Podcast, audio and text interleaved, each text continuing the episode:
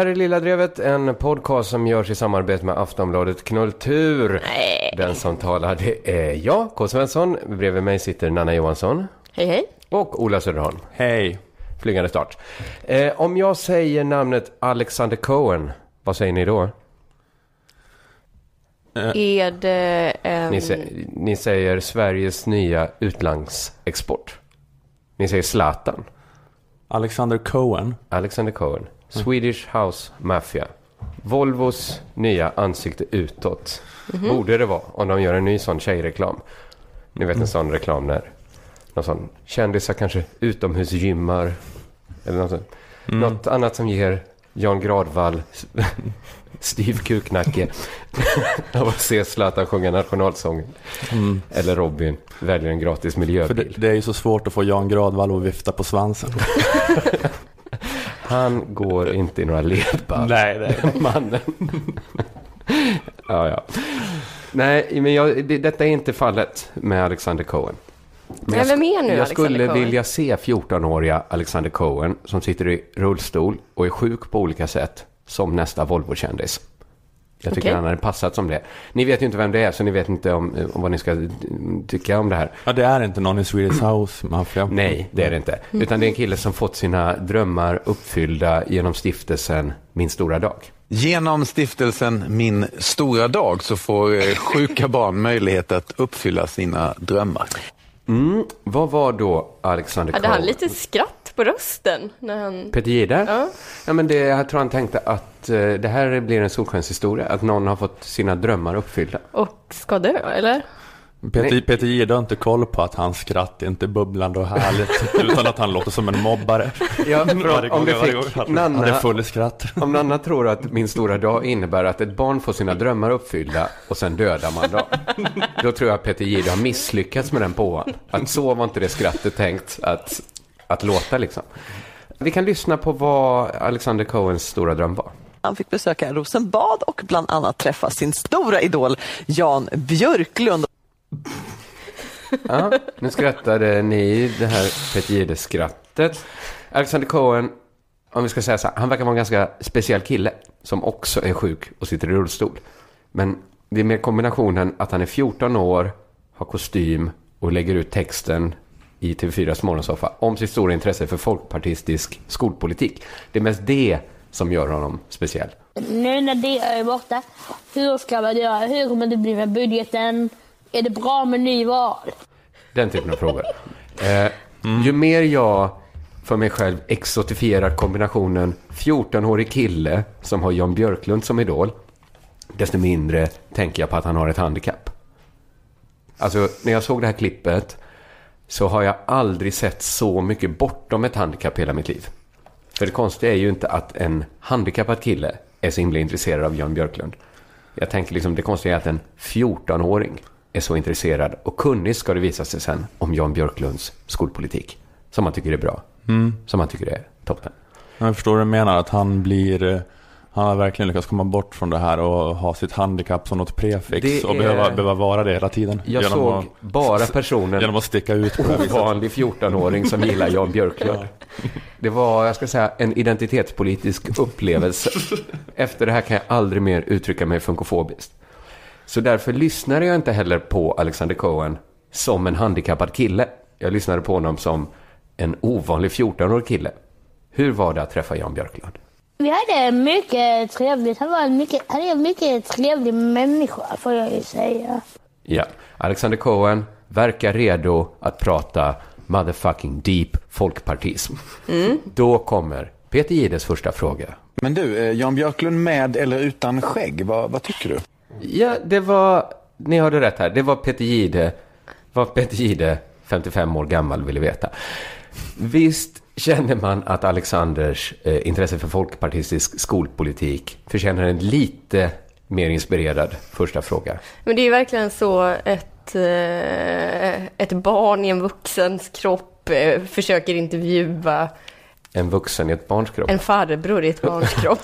Alltså det blir många metanivåer här nu. Ja. De, eh, mm, men eh, ja, eh, lite respektlöst utav Peter Jihde. Det var i och för sig bara första frågan. Här kommer andra frågan. Skägg är lite på modet nu får man väl säga va?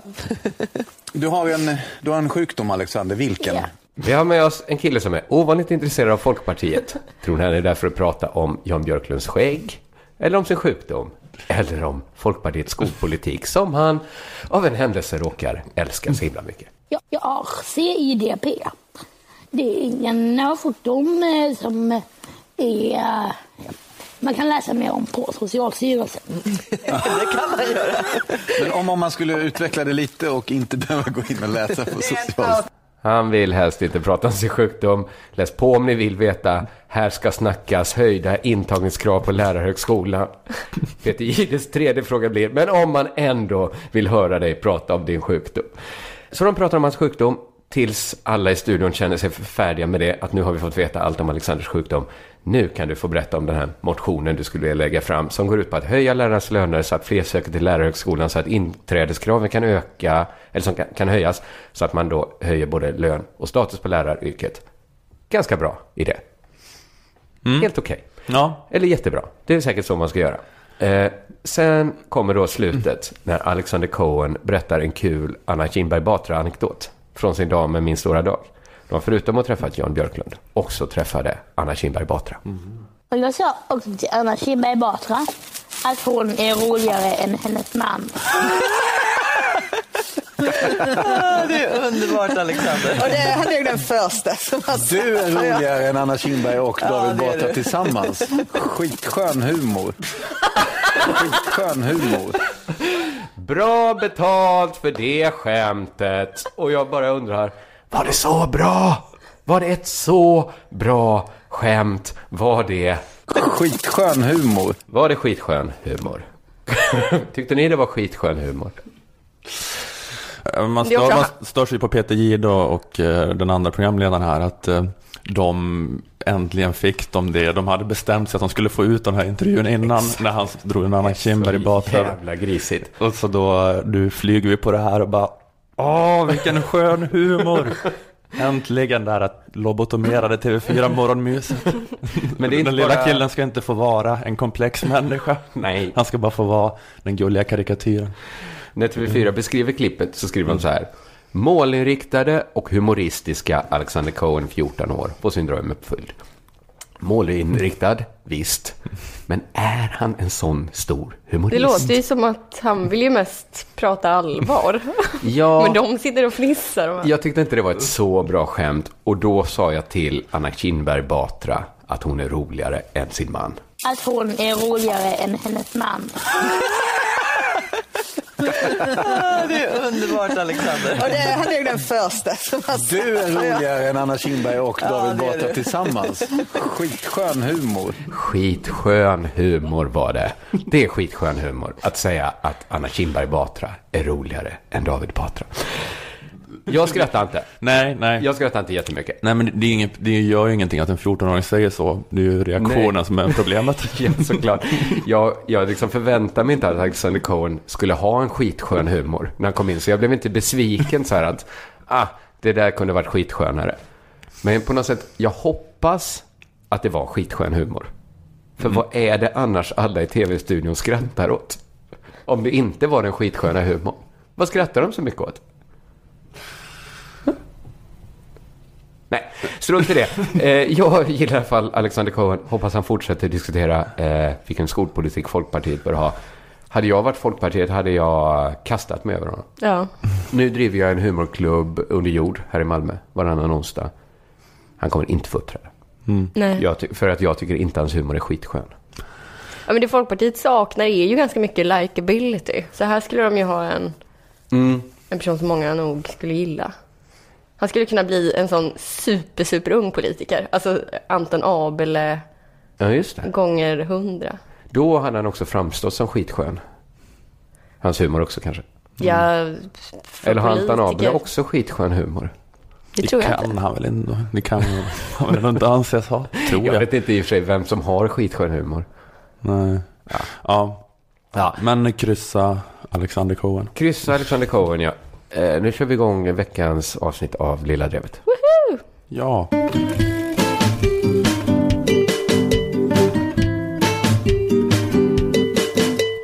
Förra veckan så var det ju ett eh, vidrigt terrordåd eh, i Trollhättan.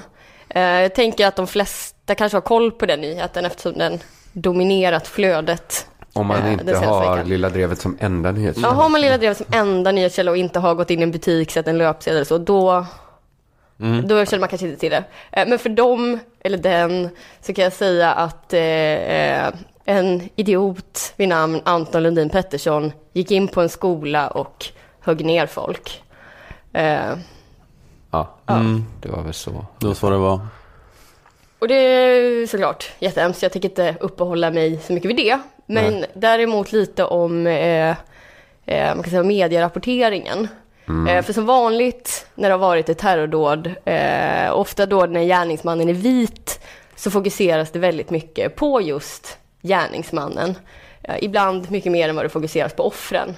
Man får veta otroligt mycket om gärningsmannen. Eh, man får veta vilken musik han lyssnade på, vilka sidor han likat på internet och så vidare. Eh, Så var det ju verkligen nu med, med Anton Lundin Pettersson. Jag skulle säga att jag nu vet mer om Anton Lundin Pettersson än vad jag vet om folk jag dejtat. Det var så okej. himla detaljerade beskrivningar av hans intressen och preferenser. Eh, det är som att när det sker en massaker så förvandlas alla kvällstidningar till en sån Mina vänner-bok. Eh, folk försöker förstå Nanna.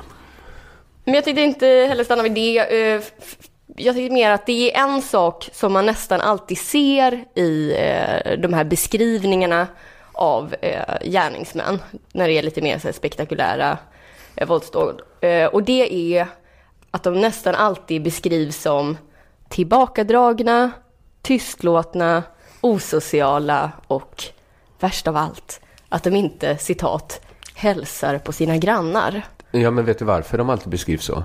För att så skulle jag beskriva alla i min bostadsrättsförening. Ja, jag tänkte också komma Ja, förlåt om jag snodde din poäng. Nej, men jag menar så här, det, det är väl så alla människor, 99% av alla människor som bor i en lägenhet inne i stan Ja, kan ju beskrivas eh, det tänker jag också. Därför tror jag att det är så himla dåligt lån från eh, typ USA. Där det faktiskt finns en poäng med typ att fråga en granne om hur någon är. För där har typ alla grannar ätit barbecue ihop. Men här i det. Sverige så har man ingen kontakt med sina grannar. Om man kanske inte bor i en by. Men jag nickar och säger hej när jag går förbi någon i trappuppgången. Ja, Hälften av alla i min förening hälsar inte tillbaks när jag hälsar. Ja. men det är kanske för att du är du. Men det tycker jag ändå är en liten vattendelare. Ja, det, är fakt- det är nästan som en liten markering. De, eller det är en markering skulle jag säga. Eh, jag vet också vad jag har gjort. Men, men det, jag tycker det kan vara förlåtet. Fortsätt. Ja, eh, men Anton Lundin Petterssons granne eh, säger till exempel så här. Jag har försökt heja på honom några gånger, men han har bara kollat ner i marken typ och inte svarat. Min uppfattning av honom är att han är en enstöring. Eh, det var likadant med Lasermannen 2, Peter Mangs, som sköt folk här i Malmö, som ni säkert minns. Lasermannen Eh, 1 var väl inte heller en sån som high-fivade sig genom så här bussgångar? Eh, Men jag, jag kollade inte upp någonting där. Eh, en av Mangs grannar eh, berättade för tidningarna att han citat eh, alltid var ensam. En annan klagade över att han inte sökte någon som helst kontakt. Eh, samma sak med biografmördaren James Holmes i USA. Eh, en student på hans skola beskrev honom som just en enstöring och sa ingen kände honom. Ingen. Nej. Eh, Så det går ju igen det här. Att vara osocial och så. Eh, Och jag tänker att det är ju bad news för alla oss som är tillbakadragna. Vi som börjar handsvettas när vi blir tilltalade och inte tycker om att se folk i ögonen. För det är ju representanter för vår grupp som mördar folk. Eh, Jag tänker så här, går mina grannar just nu och tänker att jag är en terrorist bara för att jag är en sån som mumlar eh, i trapphuset när jag ska säga hej liksom. De kräver att du ska ta avstånd. Ja, eh, och det är det jag tänker. För att så fort en mördare är muslim så brukar det krävas då att alla fredliga muslimer går ut och tar avstånd från Brukar dådet. det verkligen det? Eh, hej hej, vi vill bara säga att vi fortfarande inte tycker att det är okej att döda folk. Så varför har du ingen av oss fredliga, introverta gått ut i media och tagit avstånd från det här skoldådet? Det vore väl rimligt av oss att påminna omvärlden om att man inte är en potentiell Anton Lundin Pettersson bara för att man är lite tillbakadragen och tyst. Någon av oss skulle ju till exempel kunna säga vi icke-våldsamma enstöringar vill kraftigt ta avstånd från det fruktansvärda som hände i Trollhättan. Gärningsmannen förespråkar en typ av tillbakadragenhet som majoriteten av oss inte ställer oss bakom. Men det kanske är så här att alla ni behöver inte gå, alltså ni kan, behöver inte gå ut först, men om alla så här introverta korsriddare börjar, att de säger så här att alla introverta korsriddare är liksom inte terrorister. Nej. Nej, just det. Jag, bara för att jag sitter tre dygn i sträck och spelar World of Warcraft på schack och eh, går in på Fjordmans blogg och så krigar på Flashback under mitt liksom alias Gates of Vienna 1626 så betyder inte det att jag är våldsbenägen. jag tar avstånd. av- Jag tror alla i våran tråd tar avstånd från det här terrordådet. Midgårds öga tar också avstånd från det här hemska som skett. Ja, men varför har då liksom ingen introvert gått ut i media och tagit avstånd? Det tänker jag är för att vi är för blyga för att gå ut i media. Det är inte vår grej. Vi vågar inte ens ringa till banken. Hur ska vi då våga ta offentligt avstånd? Om tv ringer så vågar vi inte svara i telefonen. Istället låter vi samtalet gå till röstbrevlådan. Sen skickar vi ett sms där det står Hej, jag vill inte vara med i tv, tack, ring ej mer. Men jag, jag vet inte. Ni är väl, det, det hedrar att ni inte går ut och plockar sådana här PK plus-poäng. Så här bara, sån muslim är minsann inte jag. Jag är en sån god muslim. Jag, ni har mig att tacka för couscous. Men inget negativt har kommit. Jag tar givetvis avstånd från det här. Jag tycker det hedrar er att ni inte liksom koketterar. Alla förutsätter att en helt vanlig muslim inte begår terrordåd. Och alla förutsätter att ni introverta, introverta korsriddare inte gör det här. Jag vill ändå strika korsriddare från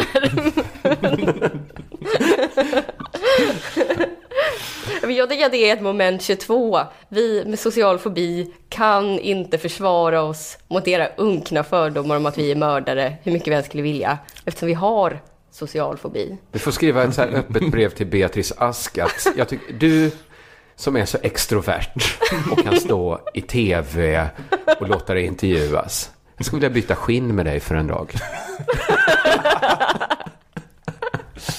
Så får du ta på dig mitt introverta skinn Just det. och känna liksom hur omgivningens misstänksamma blickar i bostadsrättsföreningen när K. Svensson kommer att heja glatt och jag dyker ner med blicken och jag ser att K. Svensson tänker att jag är en sån här korsriddare. Ja. Bästa Beatrice. Det var, vad var det, var det han, Patrik Lundberg eller något skrev om att han ville byta skinn med Jonas Hassan Khemiri. Alltså någon rolig krönika. Just det. På, För att få ligga mer på bokmässan. Ja men för att han är, ja, men för att han är Sveriges mest då, så här, populära författare någonting. Så att Mm. man vill byta skinn med honom. Man, man ska tänka egentligen så vill man det. För att det är bara massa kåta tjejtantkvinnor i hans signeringsköer. jag tycker det är konstigt att det tog två, tog det kanske två år innan eh, folk började se igenom hur fruktansvärt kokett det var av Hassan Khemiri. Ja, Så här, va- varför skulle han vilja ha det gamla tantskinnet? Ja. Skulle hans liksom liv blivit bättre av att gå runt i Beatrice Asks rynkiga skinn? Nej, men jag, jag kände också det, exakt det kände jag att hur kunde man, jag liksom, hur kunde inte någon av oss komma på det här? Att det var Patrik Lundberg som var tvungen att komma på det två år senare. Att vi Ja. inte kom på den skämtvinkeln när det hände. Att om man ska välja vems skinn, alltså den lilla liksom tanten från Sveg liksom. Eller liksom den då sådär, han där liksom Adonis snygga hyllade författaren hon som är så borde bara- uppvuxen i kulturöverklass på Södermalm. Liksom, så här, ja, vem vill man vara? Hon borde bara sagt ja, låt oss. Låt oss göra en riktig face-off. Precis som i den filmen. Ligger redan på operationsbordet och väntar. Jag har redan skurit av mitt ansikte. Eh, Det ligger här. Ingen skillnad. Nej, men vad fan. Det blev en, även om du inte har tid att komma in så jag är rätt nöjd med som det är också. ja, det är elegant satir, Nanna. Det är... Mm. ja men att, eh, att Jonas Hassan Khemiri kanske var varit med om det att en snut betedde sig lite misstänksamt när han var 16 för att han hade svart hår. Men alltså det är ett litet pris att betala för att slippa vara Beatrice Ask hela sitt liv. Och istället få vara liksom Sveriges hetaste kille. Faktiskt. Ja. Ja, okej. Eh, ja, men jag är bara rädd att, eh, att om det kommer vara många fler eh, sådana här tillbakadragna eh, sociala mördare, eh, att det till slut kommer bli någon slags häxjakt på oss eh, som är lite tillbakadragna. Eh, precis som man på medeltiden samlade ihop alla vårtiga kvinnor och brände dem på bål, kommer man att samla ihop alla enstöringar. Istället för vattenprovet kommer man testa om vi verkligen är tillbakadragna genom att skicka in oss på ett cocktailparty och se om vi minglar. Och det är klart att vi inte minglar. Vi kommer stå där, låtsas läsa på våra mobiltelefoner för att undvika ögonkontakt. Eh, och då kommer vi bli brända på bål. Om ni minglar tror man att ni planerar ett Ja. våldsdåd. Man vill inte bli fast med så här Nanna eller Peter Mangs. Står för hålla igång ett samtal. Fan vad det här inte flyt. Men den här eh, bränna på bål-utvecklingen som jag målade upp, eh, som i och för sig är helt påhittad, eh, är väldigt skrämmande. Så jag hoppas innerligt att nästa massmördare vi får läsa om är en skojfrisk typ som gärna är festens mittpunkt och kan namnet på alla sina grannar. Va? kommer alla säga. Hur kunde han döda någon? Han som drog den där roliga fräckisen om nunnan och gårdfarihandlaren. Det är visst inte bara introverta som mördar. Nej, just det, kommer vi då eh, inte säga efter Nej, vi har pratat bland folk.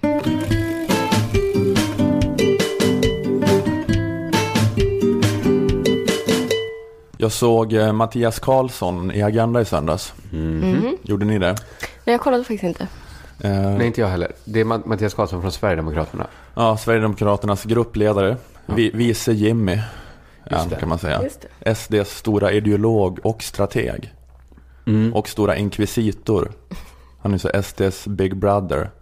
Aha. Leda, ledare för utrensningarna. Just det. Men också en, en pålitlig vikarie ifall någon blir sjuk. Ja. Om någon Ja. behöver vabba så kan han rycka in. Framförallt alla partimedlemmars skräck. Han ser allt, hör allt, vet allt. Om någon retweetar Gustav Kasselstrand. Om någon använder SD på 90-talet retorik. Då är han där. hittas de snart med en ishacka i huvudet. Mattias Karlsson retuscherar bort dem från gamla propagandabilder. Alla är livrädda för Mattias. När Jimmy talar sitter Mattias Karlsson och studerar vilka partikamrater som slutar applådera först. Så han vet liksom vilka som vacklar i ideologisk renhet. Antecknar, minns, tar reda på vilka rasistsidor de gillar på Facebook. Väntar på lämpligt tillfälle. Men det är ju så på riktigt tydligen. Jimmy Åkessons svärmor hoppade ju av för ett tag sedan. För att hon bara blev helt, det var för pressande med den här liksom ledarkulten och Ja. superstränga hierarkin. I alla fall, eh, det är Mattias Karlsson. Han var med i Agenda i söndags för att prata om SD och samtalsklimatet. Då apropå eh, det här rasistdådet i Trollhättan, apropå att det brinner flyktingboenden hela tiden.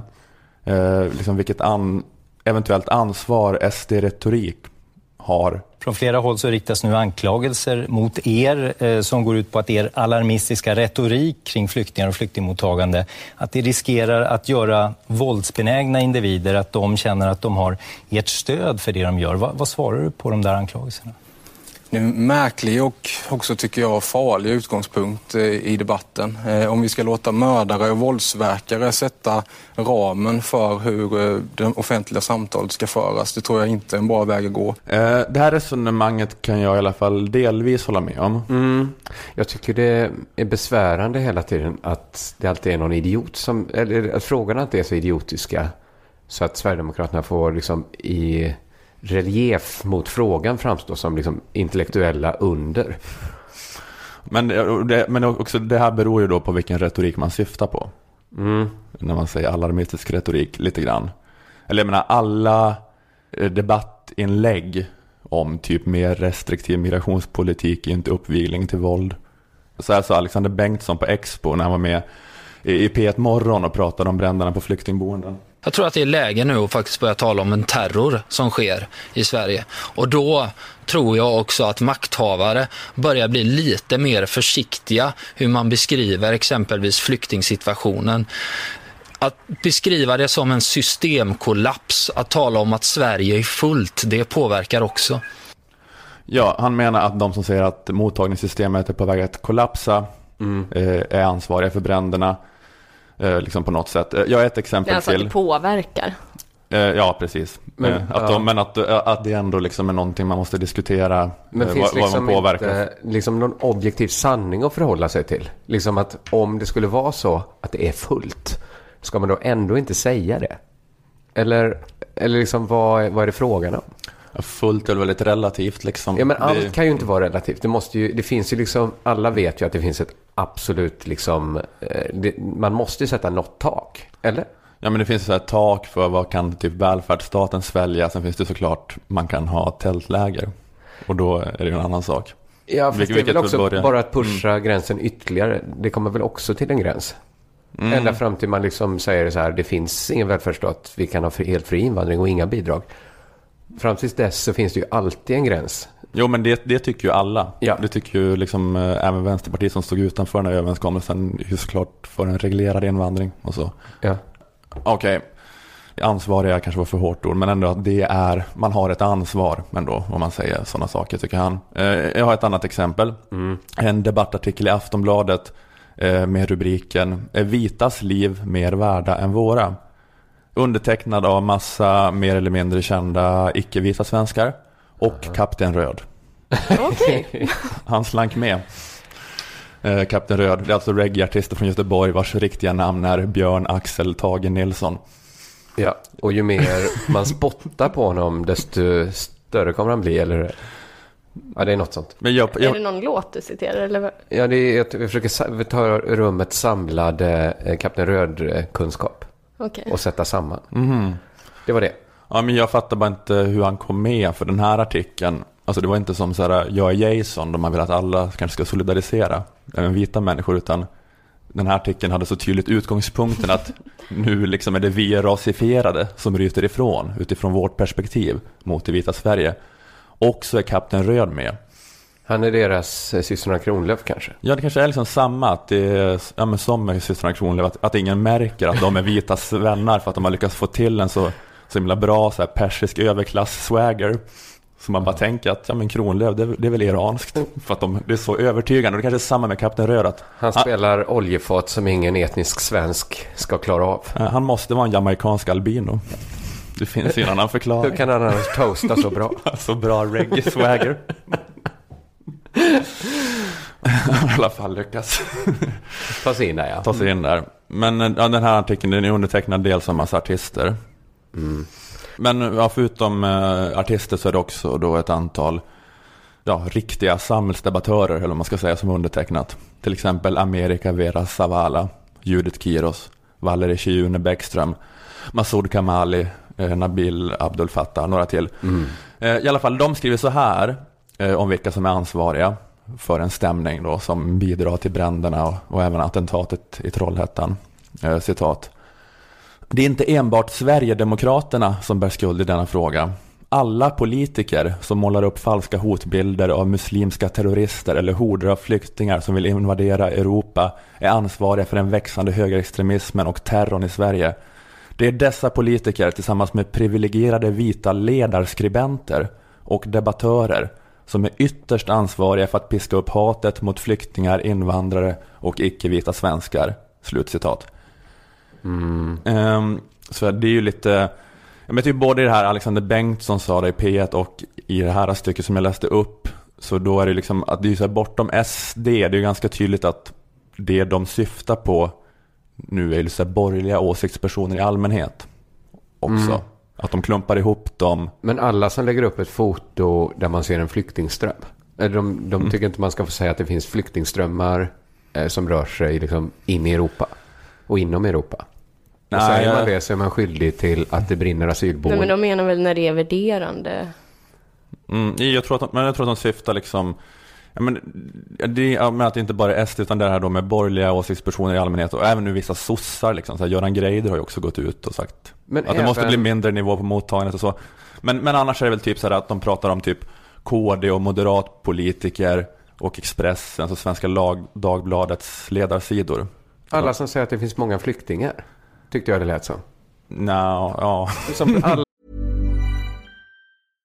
Hey, I'm Ryan Reynolds. At Mint Mobile, we like to do the opposite of what Big Wireless does. They charge you a lot, we charge you a little. So naturally, when they announced they'd be raising their prices due to inflation, we decided to deflate our prices due to not hating you. That's right. We're cutting the price of Mint Unlimited from $30 a month to just $15 a month. Give it a try at mintmobile.com slash switch. $45 upfront for three months plus taxes and fees. Promo rate for new customers for limited time. Unlimited more than 40 gigabytes per month. Slows. Full terms at mintmobile.com. Alla som pratar om flyktingströmmar i Europa. Ja, ja, det, ja så kan man tolka det. Men, det tror ja, jag liksom täcker in ganska många människor. Även ganska många människor på den listan. Jag tror som också du slåss mot en halmgubbe nu. På vilket sätt menar du?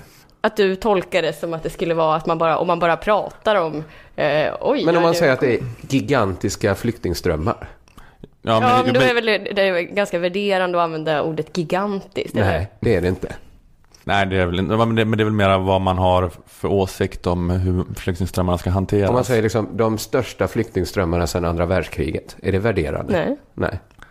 Nej. Okej, för de var gigantiska de under andra världskriget. Mm. Ehm, ja, ja, men i alla fall sådana människor som eh, säger sådana saker då att systemet är för ansträngt nu, det håller på att kollapsa. Alltså det är väl typ lite så KD och moderatpolitiker och de här borgerliga ledarskribenterna. Det är ju de de syftar på. Jag läste en artikel i Politism där det stod att eh, vi står inför en potentiell systemkollaps. Ja, men mycket sossar också nu liksom. Men då, men då när man, man, jag tycker att man känner ju det då när man hör eh, Alexander Bengtsson här i P1 Morgon och när man läser den här debattartikeln. Att när man får den här argumentationen presenterad för sig, då kan man ju inte säga något annat än ja. Jag håller med, ja.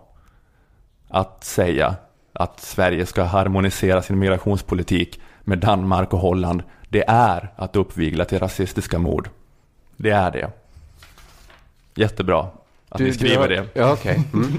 att killen, ja, men det- är så, killen i Trollhättan drog ner persiennerna och satt och läste Expressen ledare dygnet runt. Han satt där dag ut och dag in, läste om tillfälliga uppehållstillstånd, anpassade reglerna för anhöriginvandring, ompröva migrationsuppgörelsen med Miljöpartiet och han själv radikaliserades. Mm. Tills han gick och knivmördade barn med utländsk bakgrund. Visst känner man det att bara ja, det är Anna Dahlberg som viskat i den här killens öra. Gör det, gör det. Om man läser hennes krönika baklänges så står det bara gör det, gör det, gör det, gör det, gör det. Så det är bra att ni, att ni liksom i Aftonbladet debattartikeln, Alexander Bengtsson, att ni, att ni säger det, ni förklarar det här jävla orsakssambandet. Det är så fint att ni som oroar er för tonläget i debatten på så här stora plattformar då bara föregår med gott exempel och är så här rimliga och balanserade och bara förklarar exakt hur ord, hur hat, språk övergår i handling för en ung förvirrad man. En KD-politiker säger något om snabbspår för asylansökningar från säkra länder och det går inte att tolka på något annat sätt än som en uppvigling till raskrig. Den var, liksom, den var väldigt fascinerande överhuvudtaget den här Aftonbladet-debattartikeln. Man kände att man bara kunde svara sådär ja, ja efter varje mening i den. Eh, Den inleds så här, eh, citat. Det får vara nog nu. Vi är trötta på att våra barn, kvinnor och män attackeras och mördas av fega nazister som får löpa fritt och utföra sina terrordåd ostört. Det börjar kännas tjatigt. Och man bara ja, ja det stämmer. Sverige är inte en rättsstat på det viset att den ingriper mot rasistiskt och nazistiskt våld. Om en rasist löper fritt och mördar människor och man ringer polisen, då är polisen typ som om man här i Malmö ringer och säger att en cykel har blivit stulen. De bara säger, ja du kan ju komma in och göra en anmälan men det är nog inte något vi kommer hinna titta på. Så är det, ja! Ja, och det börjar bli tröttsamt. Så ointresserade är samhället av att avsätta resurser för att bekämpa dödligt rasistiskt våld. Det är bara ja, Säpo fullständigt skiter ju i högerextremism. Får de tips om att SMR organiserar sig eller att svenska nazister och krigar i Ukraina så säger Säpo Jaha, vet du vad noll gånger noll är? så mycket bryr vi oss om våldsbenägna rasister och nazister. Vi anser att de ska få löpa fritt och utföra sina terrordåd ostört. Så här är slutet på debattartikeln. Eh, varför är hela Sverige inte lika rasande nu som när bilar brann i Husby? Är det bara vi som utsätts för den högerextrema terrorismen som ska bry oss? Är det acceptabelt att våra barn dör så länge era barn är oskadda? Slutcitat. Och här känner man ju också att ja, det här är en perfekt sammanfattning av hur Sverige, politiker, medier, medborgare, civilsamhälle, hur liksom Sverige reagerade på morden i Trollhättan. Ingen blev rasande. Ingen brydde sig. Det fanns ingen känslomässig investering i den här händelsen Nej. som ens kunde liknas vid hur det var under Husbykravallerna. Man bara, ja, det var så. En journalist frågade Stefan Löfven om morden i Trollhättan och han svarade, dog några vita barn? Nej, varför slösar du med min tid då? Varför står du här fortfarande? Gå! Ja, men ja, så var det. Det var, det var absolut inte så att Stefan Löfven åkte till Trollhättan och deltog och uttryckte sorg och talade till nationen. Utan han, han bara fullständigt sket i det, liksom resten av Sverige. För att det är som debattörerna skrev, att det är acceptabelt att icke-vita barn dör så länge de vita är oskadda. Så Ikea-morden får aldrig hända igen. Trollhättan-morden, shit happens. Så har hela, Exakt så tycker jag. hela inställningen till Trollhättan har varit så sedan det hände. Och jag är liksom imponerad av artikelförfattarnas känselspröt. Och de kunde liksom sätta upp fingret i luften och vibba in exakt hur stämningen har varit i Sverige sedan det här i Trollhättan hände, eller hur? Man har knappt märkt av det. Mm, den här helt iskalla reaktionen från Sverige på mordet kände de av och de skrev om det i en debattartikel i Aftonbladet. Den här helt rimliga verklighetsbeskrivningen skrev de om i Sveriges största tidning. Och jag tycker ändå ja, men att de då som oroar sig över apokalyptiskt och polariserade tonläge föregår med gott exempel på det här viset. Ja. Genom att beskriva Sveriges reaktion på Trollhättan-morden på ett så rimligt och balanserat sätt.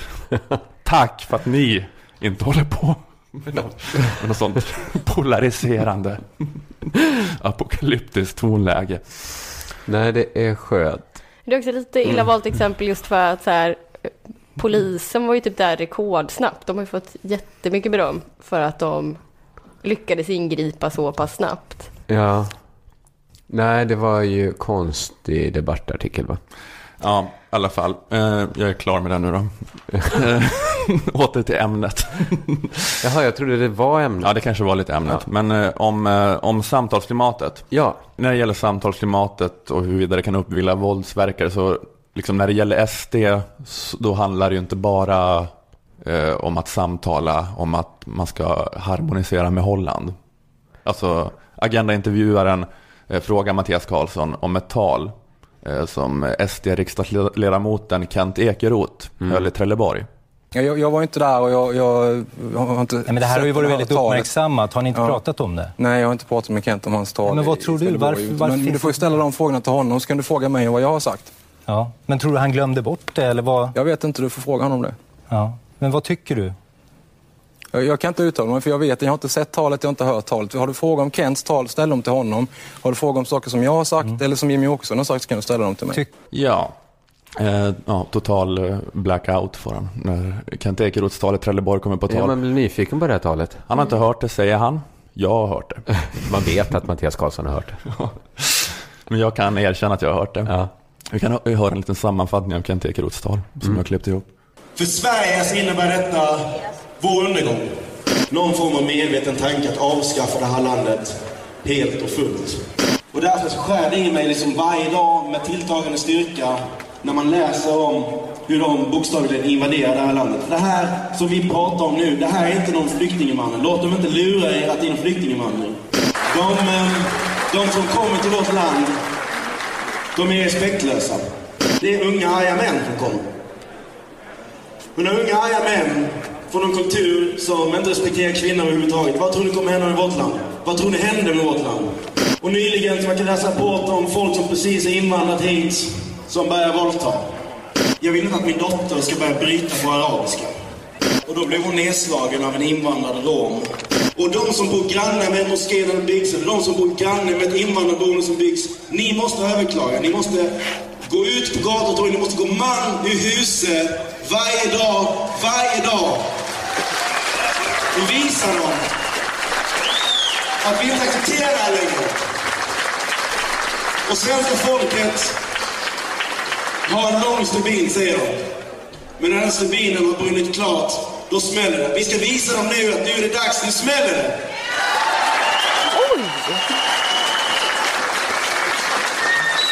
Vi har ingen tid att spara längre. Vi har ingen tid att spara. Inte om vi vill bo i Sverige som är svenskt, inte om vi vill bo i vårt land och vi kan känna oss hemma. Vi har ingen tid. Oj, ja. ja. Det, ja. var en svensk riksdagsman. Ehm, det, ja. Ehm, ja men liksom, ehm, kan det här vara ett eh, hate speech ja. som inspirerar, eller liksom, är det här då ett ansvarsfullt sätt att uttrycka sig som riksdagspolitiker? Är det här liksom något som bidrar till en sån allmän stämning?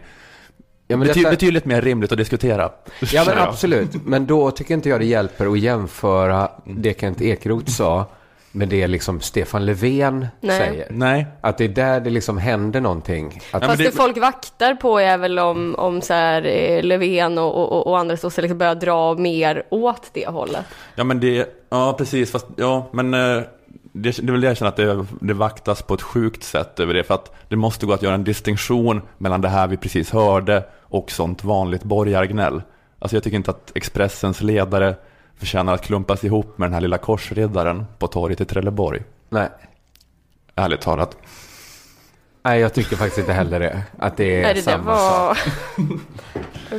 Ehm, det känns som att Kent Ekeroth också hetsar till våld genom sitt utseende. Om man vill slå honom? Eller? Nej, men han har så oerhört mycket skolskjutarutstrålning. Ja. Sån liten arg, försmådd Napoleon som hatar världen. Skjortan nedstoppad i kalsongen. Känner man. Men när man ser en bild på honom i tidningen så kan man inte fatta att han lever. Man tänker att det här är någon som precis dött i ett utökat självmord. Ska klicka på artikeln han- och läsa hans avskedsbrev. som handlar om att han gjorde det för att bli någon. Visa alla snobbiga tjejerna. Kolla på mig nu. Jag är tidigen. Vem kallar ni tjejbyxa nu? Vem går inte i syrrans gamla ärvda byxor? Kolla en riktig gylf med knappar. Men, ja, men, men det är lustigt, eh, den här mediehanteringen tycker jag av Mattias Karlsson. Att han då, det här kontrollfreaket, har absolut ingen aning om vad Kent Ekeroth har sagt i sitt tal.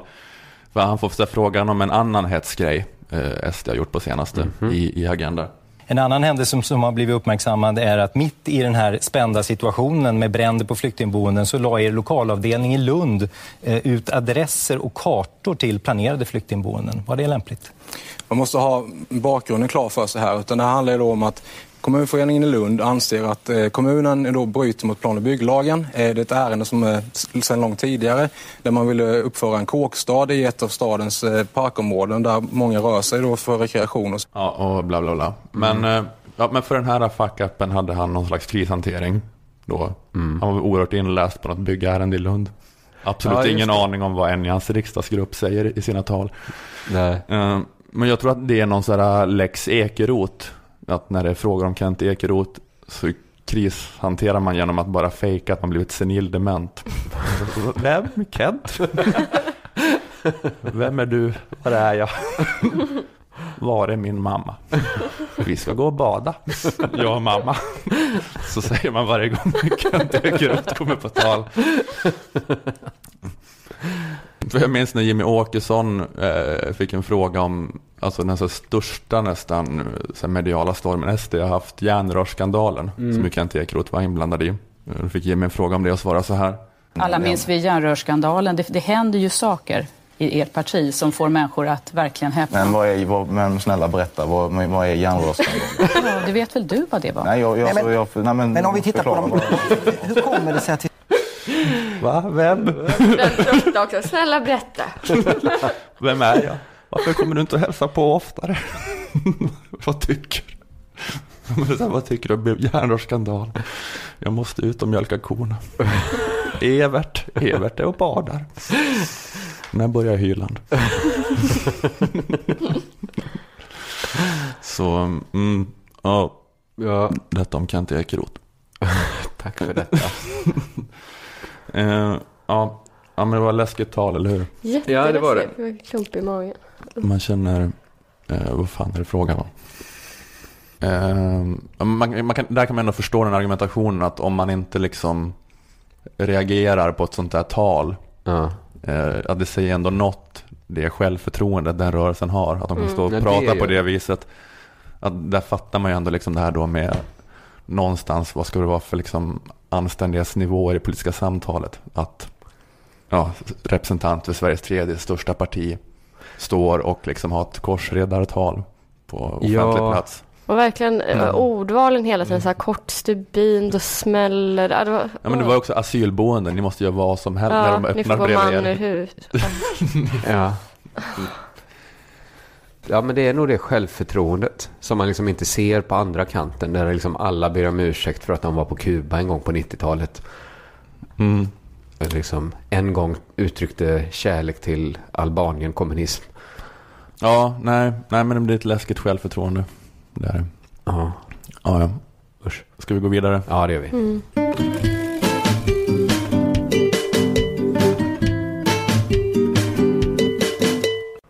Så här.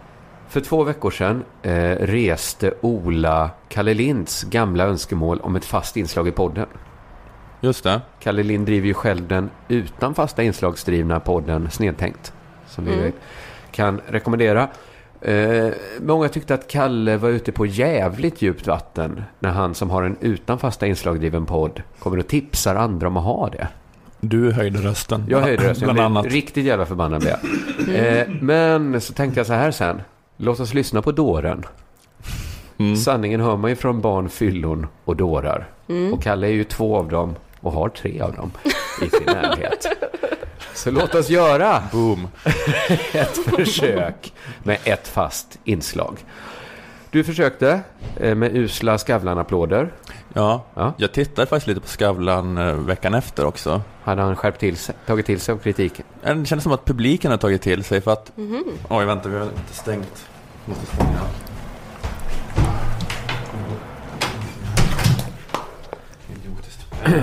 Ja, publiken. Eh, ja.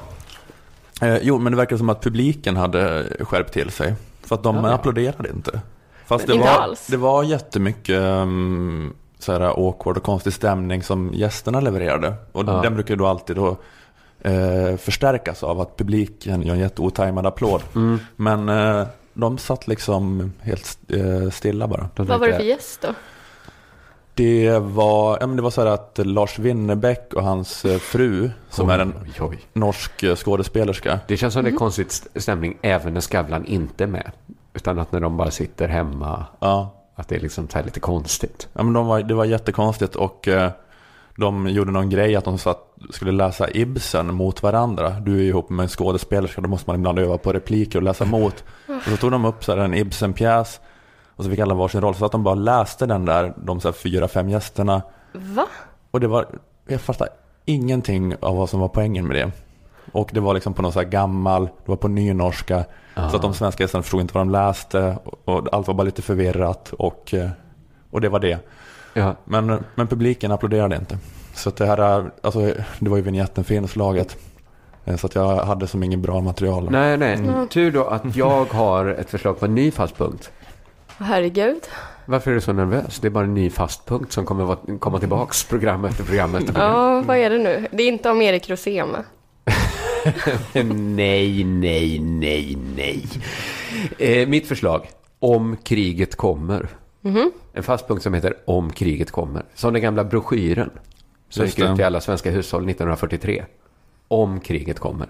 Vad man skulle tänka på. Om det skulle bli krig 1943. Vad är det för krig du tänker på? Kriget. Nej men det- jag tänker att vi är ungefär i samma förhåll. Vi har samma situation på det sättet att man kan säga så här. Om det skulle bli krig. Eh, Då var det mycket så här kalla kriget och kärnvapennoja. Man skulle gå gömma sig under bordet ifall någon spränger ett kärnvapen. Precis, det var någon som gissade lite. Det här är nog bra mot kärn. Smörj in dig med liksom eh, ister. Det, det kan vara bra. Det kan säkert inte dåligt i alla fall. Men jag menar, det, det var ju såklart krig då. Som det är nu. Men, men det är Ja, ja, ja, fan jag tänkte fel. Du, det var under andra världskriget. Exakt. Ja, men sen fortsätter man ju ut den ända in eh, till liksom under 80-talet. Ja, just det. Ja, men för att så på 50-60-talet var det den här eh, Sovjetskräcken liksom. Precis, men detta är ju mer som liksom en tidskrift egentligen mer än en broschyr. För man uppdaterar den efter krig. Så det här blir ju 2015 års version då. Av Om kriget kommer. Som, Som, som du då håller? som vi håller, eller ger ut. Okej. Kan man säga. Poddversionen av Om kriget kommer. Ja, Så tänker jag vi kan ge ut den i en serie kapitel. okej. Om det skulle bli krig i världen. Eller Sverige. Det känns ju inte så abstrakt efter att precis hört Kent Ekeroths retorik heller. Nej, Precis. Eh, så om det brister ut ett raskrig, eller om man liksom inte tror på raser. Nej, kanske det man gör man väl inte. Nej, jag tror ju inte på det. Att, att det finns raser så som, som eller liksom som någon eh, kung på 1700-talet kanske föreställer sig. Man pratar kanske om etniciteter, kulturer, något annat. Om rummet-tjejerna inte bråkar med Ivar Arpi om någon skämtteckning. Utan om de slåss med kniv över den sista dunken bensin. Och båda sidor anser att de har rätt att döda för att deras ras har rätt till de sista litrarna bensin. Ett sånt krig. Nu pratade du om ras igen. Ja, nu blir det ras. Ja, nu blev det Eh, ras. Rasifieringskrig. De som känner att de blivit behandlade som invandrare, de, de tänker att vi ska ha den sista Men- bensinen. Du tänker, tänker du att det här är ett krig som vi är på väg mot då? Eller som pågår. Eller om, det om, pågår? om kriget Nej. kommer, Nanna. Om kriget Okej, kommer. Om det utbryter ett så kallat raskrig. Så tror jag att det hade varit så himla fruktansvärt jobbigt. Ja. Dels så tror jag att det är superjobbigt att vara med om ett krig av någon sort. Revolution inräknat. Att det är lite som att flytta. Det är superjobbigt medan man gör det. Sen blir det kanske supermysigt efteråt. Blir man får upp lite lampor. Men just själva övergången, liksom när allt är kaos. Man bara, vad är alla grejer? När man inte har några glödlampor. Superjobbigt. Det är som franska revolutionen, väldigt omysig att leva igenom. Ja, men ganska- hundra, hundra år senare var man glad att den hade hänt. Precis. Så att monarkierna var krossade i Europa. Exakt. Men- Ryska men- revolutionen. Ingen picknick i parken. Men kanske ändå skönt att några satte press på liksom, eh, att, att några visade så här att det här kan hända. Och så, Mm. får, så blir det liksom lite bättre för Men alla. att, att någon kommer gå in och mörda kungafamiljen? Om jag menar det, det hoppas jag inte. Vilka ska mörda kungen? Nej men, vad alltså menar då. För då är det ju mot ett system. Ja, men då Vad kanske man ger så här att det är? arbetare, säg rösträtt, kortare arbetsdagar. Vad som helst. Nej men här, vad menar du? Förlåt, nu hängde Nej men de exempel du tog upp är ju att man har vänt sig mot Ja, men jag menar system. efteråt. Nu Alltså, det är berätta- nu pratar ju du om att man tid. ska- Nej, jag menar bara så här att under tiden som det är krig eller revolution Ja. så är det jobbigt. Efteråt kan det ju bli supermysigt och härligt. efter den här etniska eh, Rensningen. rensningen du ser framför dig. Ja, efteråt kan det bli. Men under tiden är det inte kul. Oavsett liksom vad det är för typ av, även om det är Athena Farrokhzads revolution, så kanske inte just den är mysig när den pågår. Det är det jag menar som är jobbigt med, med krig och revolutioner. Mm. Att det kommer bli superjobbigt av det skälet. Men Anna, om du menar att man kan göra en skillnad mellan revolutioner som ställer krav på social rättvisa och raskrig? Ja, för jag Jo, ser jo, inte riktigt vad, vad är, vad är Det är väl en liksom... annan fråga, Nanna. Jag menar bara så här att det är, jag jämför det med att flytta. Kan du inte haka upp det på den liknelsen mycket mer? Eller? Jag, förstår, jag ser nog inte riktigt vilka grupper det är som krigar mot varandra över den här bensindunken. Du ser inte att det finns några grupper som krigar med varandra i världen? Jo, Ja, bra. Eh, men du pratar ju om nu när det når... jag menar om... Så här. Okej. Den här fasta in, inslaget heter Om kriget kommer, Nanna. Alltså, bara... du bara... förstår du vad jag menar då? Att det var inte så man sa under andra världskriget när de delar ut den broschyren så här. Vad talar ni om för krig? Det är väl inget krig? Ni får förklara vad det är för krig. Det här är ju liksom... Det, det, det ligger liksom i titeln om kriget kommer, vad som gäller. Och då är allt jag sagt, det skulle vara jättejobbigt att leva under ett raskrig. Underförstått, det skulle vara ännu jobbigare än att flytta. Är ni med på Mm. den? Att det Mm. är ett av sätten det skulle vara jobbigt på. Att det är jobbigt att genomlida ett raskrig. Absolut. För att det är så mycket kaos under krig och revolutioner. Mm, mm. Ja, bra. Men jag tror också det hade varit jobbigt på en annan nivå också. Att behöva söka upp eh, ett gammalt freak från högstadiet. Gonny. Som var aktiv nazist. Och liksom erkänna du hade rätt. alltså, det hade varit så jävla jobbigt att behöva erkänna för alla eh, typer man stött på att "Oh, det var du som hade rätt. Där kom vi i våra t-shirts med överkryssade hakkors och retade Gonny. Så han blev upphetsad. Började skrika Heil Hitler. Så skolpsykologen fick komma. Fick de köra iväg Gonny. Fick han bo hos en annan familj. Det hade varit jobbigt. Han heter Gonny. I den här historien heter han Gonny med G. Det hade varit jobbigt att söka upp Gonny och säga förlåt Gonny, du hade rätt hela tiden. Förlåt för vi anordnade temadagar när alla vuxna ställde sig upp och berättade att du hade fel. Men eh, jag vet inte, eh, även om eh, det skulle bli resursbrist i Sverige och Sverige skulle falla sönder i etniskt sekteristiskt våld. Ja. Det är väl inte, det är inte så nödvändigtvis att man då drar slutsatsen Hitler was right. Förlåt Gonny för att vi bannlyste din musik från skolradion. Tror Hade jag behövt säga. kriget kommer stå mellan vita människor och, och rasifierade? Detta är om Ja, men- kriget kommer, Mm. Anna. Ja, men det är väl, alltså, Men du, bara, du skulle bara välja ett, ett krig och då valde du ditt så kallade raskrig. då tror jag att det har varit superjobbigt på det sättet Mm. att vi måste genomlida det, men också behöva gå och säga Förlåt Gonny för att vi tvingade dig att kasta pil och göra killaktiviteter på Fryshuset istället för att vara ute och informera om det kommande raskriget. Förlåt för att vi inte jobbade hårdare för att inte Expo skulle få Stig Larssons pengar. Nu har de kunnat tysta dig effektivt i många år. Inte för att de har inte spridit lögner, men de svartmålar din kamp, Conny. Att det är dags att rusta sig inför det kommande raskriget. Det hade varit ganska jobbigt att ringa runt till sina gamla högstadiebullies och freaks och säga att det där. Till alla människor man så tydligt tagit avstånd från. Men de, liksom, de här människorna får rätt genom att dra igång ett raskrig. Ja, det, så då kan man då, ju då också- tycker du att de har rätt. de kan göra sin lögn till sanning bara genom att börja agera på sin ideologi. Förlåt för att det blev det här nu när du gick in och mördade en massa människor. Det har varit jobbigt nog att säga till en sverigedemokrat. ja, ni var lite tidigt ute när ni pratade om det 1995. Men tiden gav er verkligen rätt, det får vi erkänna. Det hade tagit emot. Så vad det än blir för krig, om Mm. kriget kommer, så hoppas jag att det inte kommer ses som ett raskrig. Just för att de är så superjobbiga, men också för att det hade varit jobbigt att ge någon gammal högstadiemobbare, rasist, rätt. Vi lyssnade inte på dig. Istället gav vi dig dampmedicin, amfetamin och hade FN-dagar när vi tvingade alla barn att visa hur fel du hade.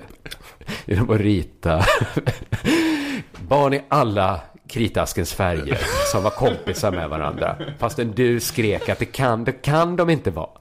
Förlåt för att vi tystade din unga sanna röst, Conny.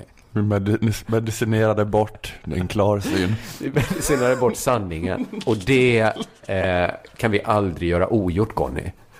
Så förlåt, Conny. Det vill jag säga. Om Gonny lyssnar. Och det blir raskrig. Om, om de två sakerna. Om Gonny lyssnar och det blir raskrig. Mm. Förlåt. Ja, det tog emot. det tog emot att ge Gonny rätt. Men alltså, okej, det här var... Du har redan gett honom rätt. Nej, alltså nu var vi fortfarande i det hypotetiska exemplet Ja. om kriget kommer och det blir ett raskrig. Okej, ja det här var, men det här var första liksom delen i det stående Det här var inslaget om första kriget delen. kommer. Vad som kommer vara jobbigt om det blir ett raskrig.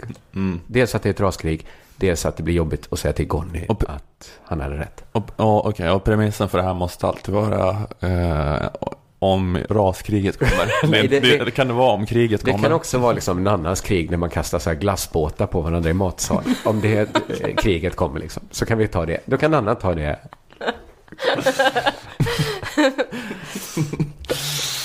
Mm, Okej, ja, ja Så- det känns eh, som en... Det kan bli en långkörare Ja. om kriget kommer. Eh, och 2015 års variant. Mm, jättebra.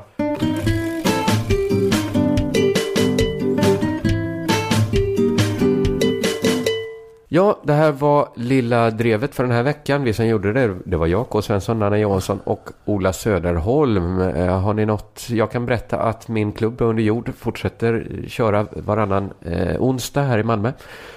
Nanna, någonting du har att säga? Eh, jag har skrivit en bok tillsammans med en eh, kille som snackar om eh, raskrig. Intressant. Mm.